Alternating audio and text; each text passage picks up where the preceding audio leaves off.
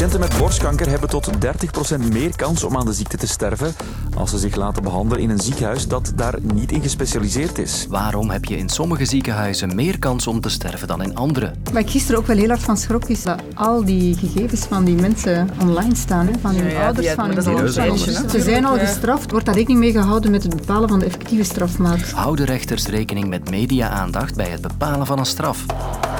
En waarom moet dat precies in de trappenhal? Je kunt dat toch overal hangen? Waarom moet het in de trappenhal hangen? Ja, maar hangt u, hangt u primitieve dan eh, in het spijslokaal of zo? En wat hoort er thuis in de hal van de Arenberg Schouwburg? Historische schilderijen of moderne foto's? Ik ben Lode Roels en dit is Het Kwartier. Welkom.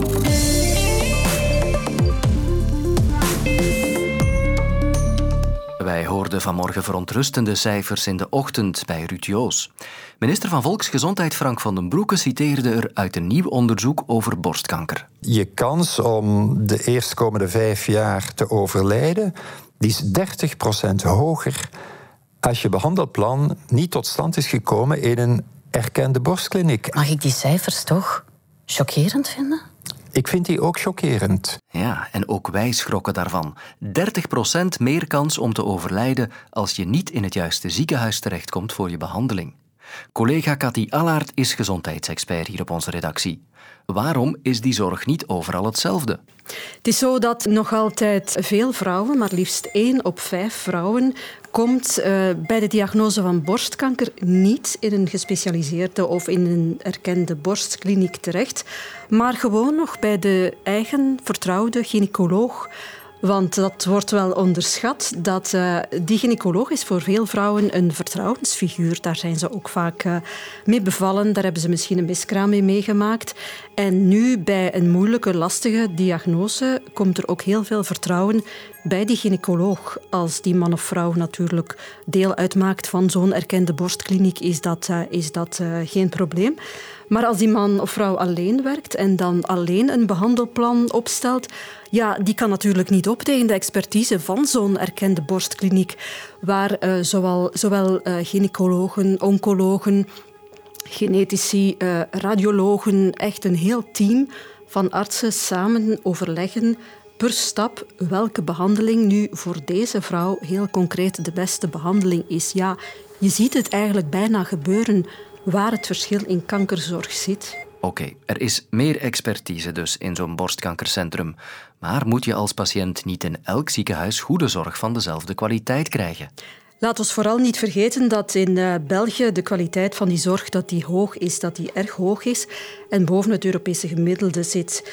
Eh, wat niet betekent dat eh, alles wat beter kan, moet beter gebeuren. Zeker omdat in België die heel hoog gekwalificeerde zorg die is voorhanden. Er zijn 52 erkende borstklinieken.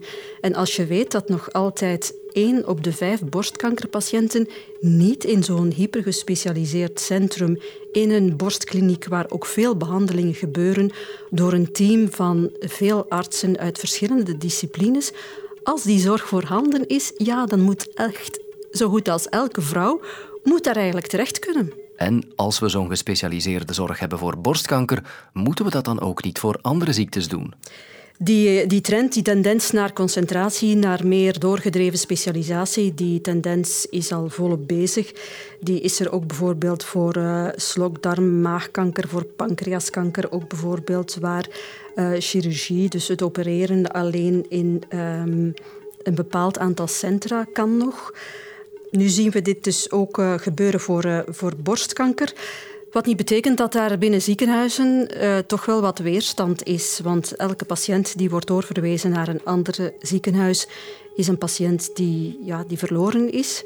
En ook bij artsen is dat moeilijk. Daar spelen financiële redenen ongetwijfeld. Maar het is ook voor een, een arts die een band heeft opgebouwd met zijn patiënt ja, niet zo'n fijn gegeven om die patiënt dan te moeten doorverwijzen naar een ander ziekenhuis. Maar hoe dan ook, het is een tendens die, die, die steeds verder wordt doorgezet. Die valt, die valt gewoon niet tegen te houden. Dag 4 van het proces over de dood van Sanda Dia. Die student van de KU Leuven kwam in 2018 om het leven bij een extreem doopritueel van studentenclub Reuzegom. 18 mensen staan daar nu voor terecht.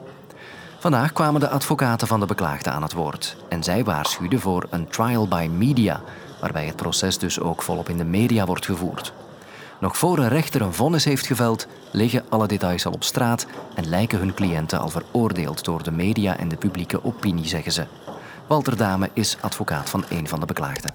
Dit is een proces dat massaal wordt opgevoerd in de pers. En de pers moet daarmee doen met mijn winst.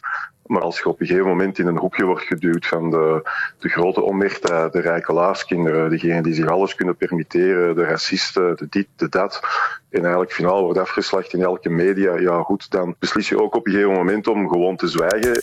Maar speelt dat mee in het uiteindelijke vonnis? Hallo? Jan Nolf is oud-rechter met jarenlange ervaring. Aan hem de vraag of rechters anders oordelen bij zaken die breed uitgesmeerd worden in de media. Dat gebeurt alleszins, dat gebeurt uitdrukkelijk. Uh, in de zaak Bartepo hebben we dat ook gezien, dat, dat compassie en dat eigenlijk een beetje dat Calimero-reflex. en op den duur wordt dat eigenlijk een beetje een klassejustitie. Want bekende mensen kunnen dat inroepen, en nog arme de gewone burger, wat kan die inroepen? Dat hij zijn werk verloren heeft, dat hij zijn vrouw of zijn kinderen niet meer ziet. Dat soort van banale zaken vindt men dat. En daar houdt de rechter dan misschien minder uh, rekening mee. Wordt een rechter ook beïnvloed door wat hij of zij in de media ziet of hoort? Rechters zijn gewone mensen. Het, het ergste zou zijn dat ze machines zouden zijn. Daar is niks mis mee, zolang ze dat beseffen. Ik waarschuw mijn ex-collega's ondertussen altijd, ook in mijn boek De kracht van rechtvaardigheid. Jullie zijn gewone mensen, onthoud dat, besef dat. Magistraten krijgen de krant toch ook niet thuis uitgeknipt door hun echtgenoten. Die zeggen, nee, dat mocht je niet lezen, want je bent daarmee bezig. Uh, als ze bij de bakker uh, gaan, horen ze commentaar. Het bewijs is er eigenlijk ook wetenschappelijk. De rechters straffen steeds strenger. En dat gaat samen met een meer punitieve tendens in de publieke opinie. De wereldvreemde rechter, weet u, die bestaat niet. Ja. Maar vindt u het dan een goede of een slechte zaak dat media-aandacht meespeelt in het bepalen van de strafmaat? Ik vind dat men daar een beetje in overdrijft. Ik ben akkoord dat het globale beeld telt. Maar een straf wordt nu nog altijd uitgesproken in de rechtbank. Want diegenen die zeggen, kijk eens, er is trial by media, wat eigenlijk ook niet echt waar is, uh, en juridisch al zeker niet, um, die beroepen zich eigenlijk op de trial by media om te zeggen, ja, de media heeft al geoordeeld, dus uw rechter, u, u, het, uw werk is eigenlijk al gedaan. Nee, het, de trial moet in de rechtbank gebeuren.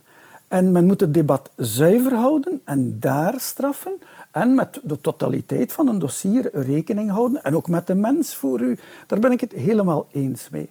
Maar niet, beginnen, maar niet de trial by media strategisch beginnen uitspelen om te zeggen, kijk, het, gebeurt daar toch, we kunnen er ook niet veel aan doen. Hmm. We, werken daar, we werken dat ook soms als advocaat in de hand, zouden ze beter uh, erkennen.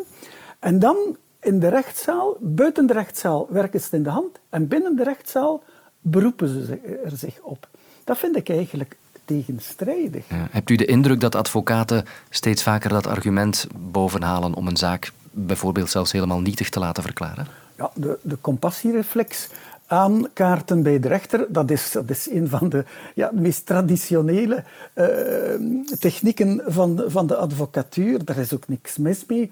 En natuurlijk, hoe meer media, hoe meer dat argument uh, gebruikt wordt. Maar media hebben de plicht het publiek in het algemeen te informeren, uh, lopende zaken, lopende onderzoeken te duiden. Uh, alleen kan men dat gebeuren, een maatschappelijk gebeuren, een noodzakelijk maatschappelijk gebeuren. De pers is de vierde staatsmacht, grondwettelijk gezien.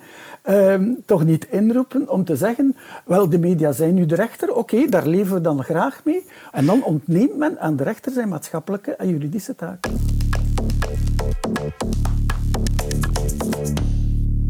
Voor ons laatste onderwerp gaan we naar Antwerpen, voor een beetje cultuur.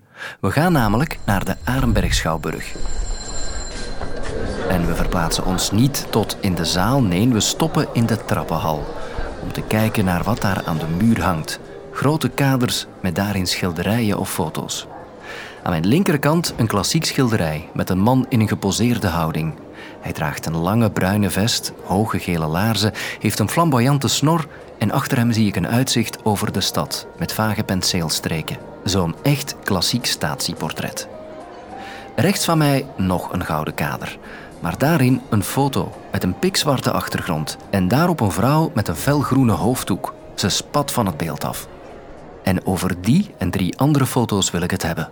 Het zijn foto's van de beroemde fotograaf Moeslam Rabat. Die foto's kwamen in de trappenhal in de plaats van enkele historische schilderijen.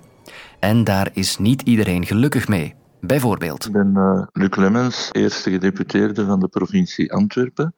En ik zetel ook in de raad van bestuur van de culturele instelling Antwerpen, waaronder de Arenberg valt. Ja, ik ben tegen het vervangen van de historische schilderijen. Maar er zijn ook mensen die dat wel een goed idee vinden. Ik ben Tatjana Schik. Van beroep ben ik violist. In de andere helft van mijn leven ben ik een zeer geëngageerd lokaal politica. Voor vooruit zetel ik in de gemeenteraad in Antwerpen. Ik ben er heel erg voor om de klassieke portretten af te wisselen met heel kleurrijke portretten zoals het nu is in de Arenberg Schouwburg. Ik laat hen, elk op hun beurt, de pro's en de contra's van het vervangen van die schilderijen door foto's op een rijtje zetten.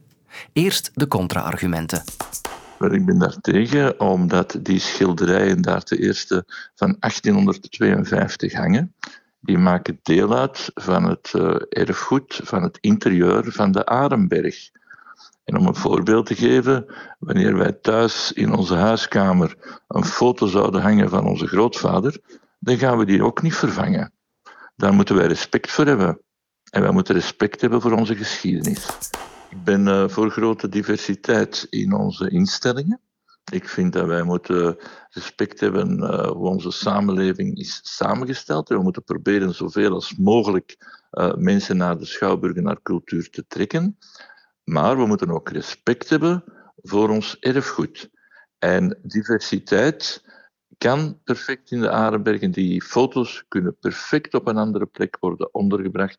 Maar ik blijf erbij dat het erfgoed en het respect voor onze geschiedenis ook in dit trappenhaal moet blijven.